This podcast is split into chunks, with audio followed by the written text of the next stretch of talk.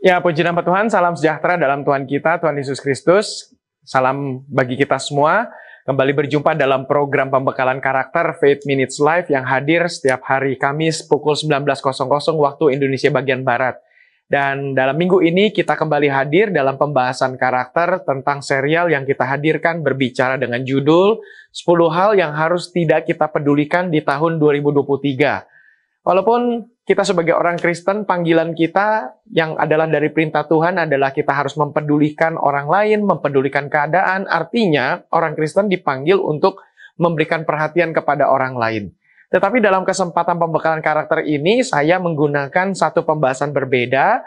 Ada hal-hal juga yang harus kita tidak pedulikan demi kepentingan diri kita sendiri. Apalagi kalau kita melihat bagaimana kita diciptakan oleh Tuhan Allah, bukan hanya secara tubuh fisik saja, tetapi kita juga memiliki jiwa. Dan jiwa kita ini juga harus kita perhatikan.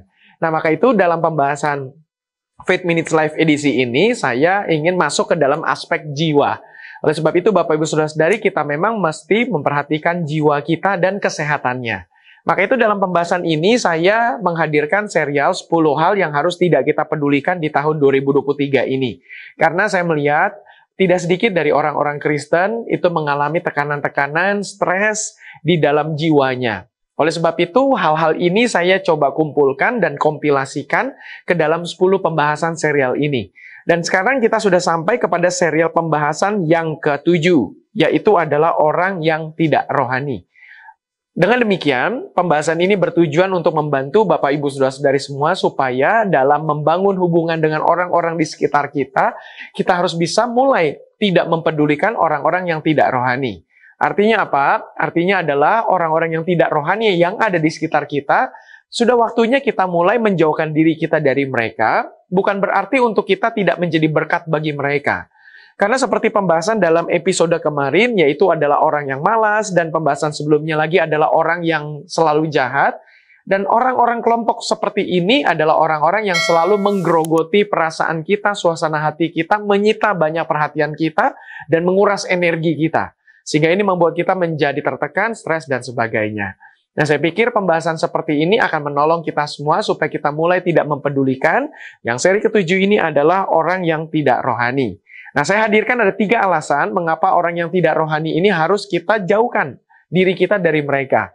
Kenapa orang-orang yang tidak rohani ini harus masuk dalam kategori orang-orang atau hal-hal yang tidak kita pedulikan?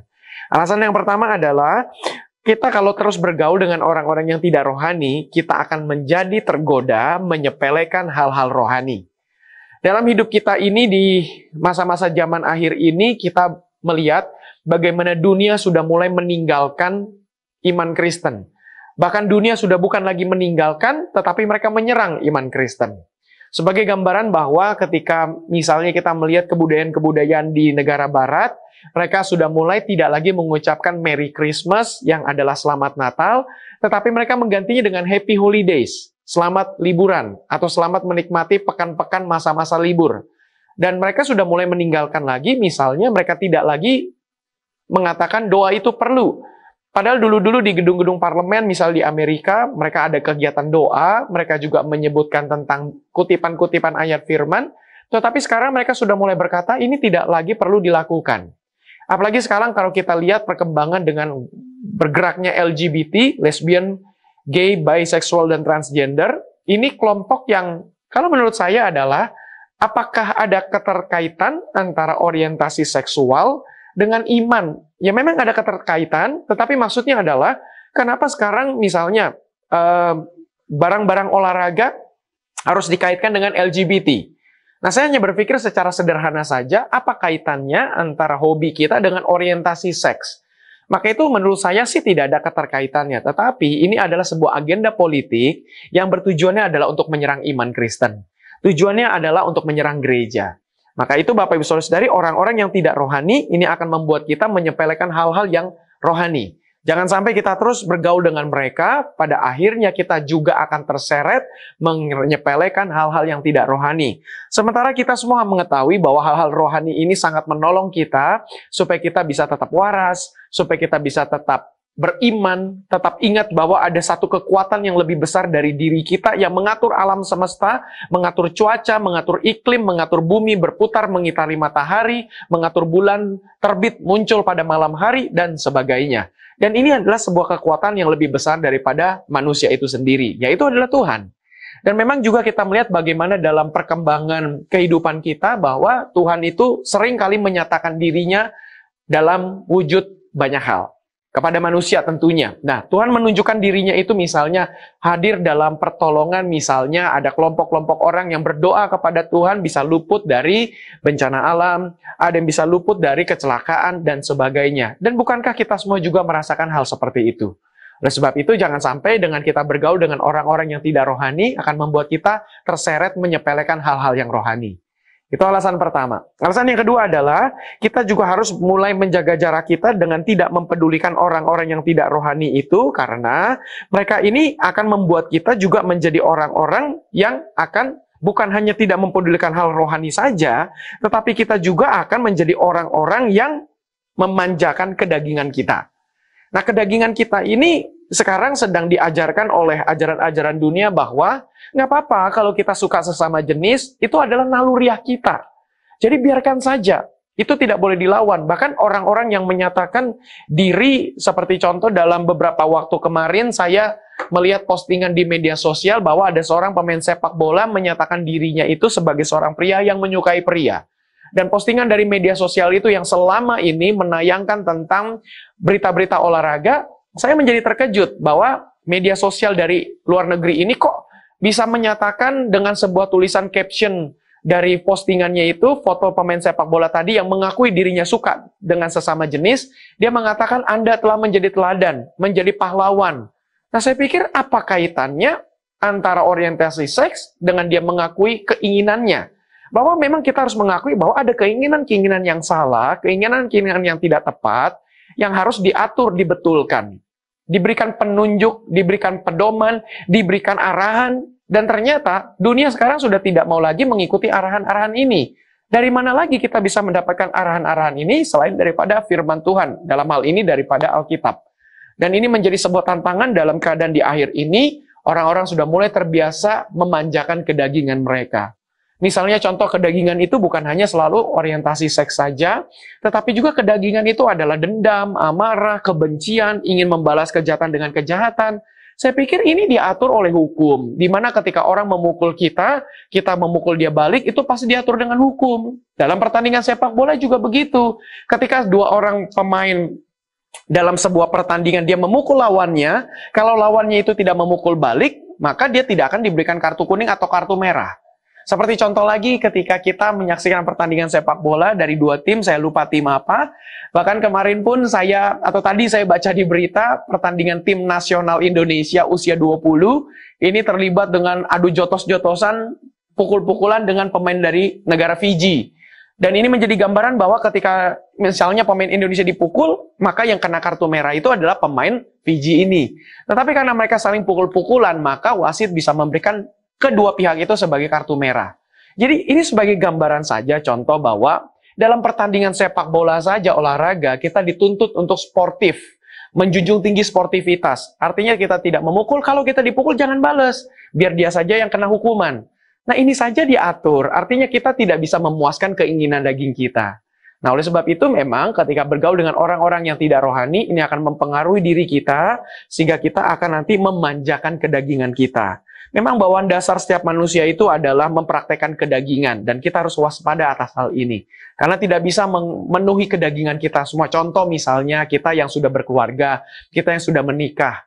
Kalau kita mau mengikuti kedagingan kita, mah kita mah bisa dengan semua wanita saja atau semua pria saja. Nah, tetapi kan ini tidak bisa. Kedagingan kita tidak bisa kita ikuti semuanya dan tidak boleh kita manjakan. Oleh sebab itu, jangan kita biasakan diri bergaul dengan orang-orang berdosa. Kemudian yang terakhir adalah kita juga nanti pada akhirnya akan tergoda melakukan dosa. Oleh sebab itu kita memang harus mulai waspada dalam hidup kita ini. Kalau kita terus bergaul, catat baik-baik Bapak Ibu sudah selesai, terus menerus bergaul. Kalau kita cuma satu dua kali saja kumpul dengan mereka dengan tujuan menjadi berkat, saya pikir itu tidak masalah. Seperti contoh dalam pembahasan dalam pertemuan ibadah minggu kalau tidak salah, saya pernah juga membahas tentang kalau ada orang yang terus uh, satu kota, satu desa yang dikunjungi oleh dua orang murid Tuhan Yesus, yaitu Yakobus dan adiknya Yohanes. Mereka lapor balik kepada Tuhan Yesus dan berkata, Guru kami ditolak di desa itu ketika kami memberitakan kerajaan sorga sudah dekat. Lalu apa yang harus kami lakukan? Apakah kami minta api turun dari sorga ke atas mereka? Nah itu menggambarkan mereka mengikuti kedagingannya. Mereka marah, mereka tidak suka karena ditolak. Jadi secara tidak langsung mereka berkata, saya kan tujuannya baik datang ke desa ini untuk menolong orang berjumpa dengan kerajaan sorga. Tapi mereka menolak. Mereka tidak tahu terima kasih. Kita minta saja api turun ke atas kampung mereka. Mereka marah sekejap seperti itu. Lihat apa yang Tuhan Yesus jawab. Biar saja, kebaskanlah debu dari kasut kita. Artinya, kita cuci tangan lepas. Bukan urusan kita lagi. Tugas kita adalah menyampaikan kabar baik, mereka terima atau tidak terima bukan urusan kita. Nah, artinya dari situ saya menghotbahkan dalam ibadah minggu bahwa ketika kita hadir ke dalam satu komunitas untuk menjadi berkat, menjadi garam, menjadi terang, maka itu pun ada tenggat waktunya.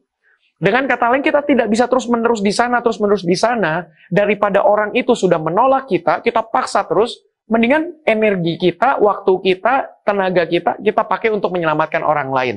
Artinya, saya petik sebuah hikmah adalah ketika kita menjadi berkat bagi orang, menjadi terang bagi orang lain, menjadi garam, bahkan bagi orang yang berdosa sekalipun, maka itu juga ada tenggat waktunya. Harus kita pasang target. Kalau memang orang itu tidak juga menunjukkan tanda-tanda pertobatan, saya pikir kita perlu menjauhkan diri kita. Maka itu kita boleh bergaul dengan semua orang, tetapi untuk bersahabat, terus-menerus meluangkan waktu kita dengan mereka, itu ada batas waktunya. Karena kalau kita terus-menerus bersama dengan mereka, pada akhirnya kita juga akan sama-sama melakukan dosa. Nah, ini adalah pembahasan yang saya pikir Bapak Ibu sudah sadari bisa mendapatkan bekal yang sangat baik dalam membangun karakter kita dalam tema tahun 2023 ini supaya kita mengalami restorasi, restorasi diri, restorasi dengan orang lain, dan juga restorasi tentunya dengan banyak aspek lainnya. Puji Tuhan, terima kasih. Pembahasan ini saya pikir sampai di sini saja. Bapak Ibu Saudara-saudari yang ketinggalan dengan seri-seri sebelumnya, silakan cari rekamannya ada di YouTube dan Facebook GBI Mawar Saron dan juga kalau di Instagram kita menggunakan akun Faith Minutes. Jadi silakan Bapak Ibu Saudara sendiri boleh subscribe, follow, like, silakan berikan komentar. Dan di layar ada Bapak Ibu Saudara dari QR code, silakan scan, boleh juga di screenshot, boleh di foto, simpan di galeri. Supaya di kemudian hari Bapak Ibu Saudara sendiri bisa menopang program Faith Minutes ini. Dan terima kasih untuk Bapak Ibu Saudara-saudari semua yang sudah setia menopang program ini dan tentunya yang mengikuti program ini dengan setia. Saya bersyukur, terima kasih Bapak Ibu Saudara-saudari mendukung program ini dan tentunya program ini mau memandu kita semua menjadi pribadi yang lebih baik. Supaya visi gereja kita GBI Mawar Saron yaitu berkarakter Kristus dan berjiwa misioner ini bisa tercapai. Terima kasih, saya akan tutup pertemuan ini dengan doa.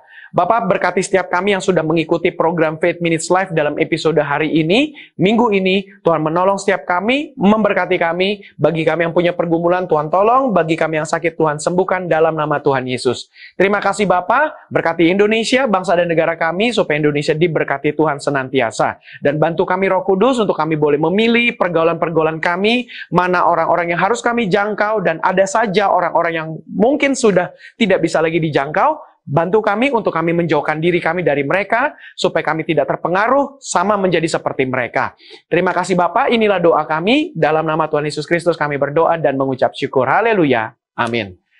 Sekian sudah pembahasan Faith Minutes Live dalam episode minggu ini. Terima kasih Bapak Ibu Saudara-saudara yang diberkati. Boleh share kepada orang-orang lain supaya orang-orang lain pun juga dapat diberkati. Baik puji Tuhan, itu saja kita akan jumpa dalam pertemuan selanjutnya. Tuhan Yesus memberkati.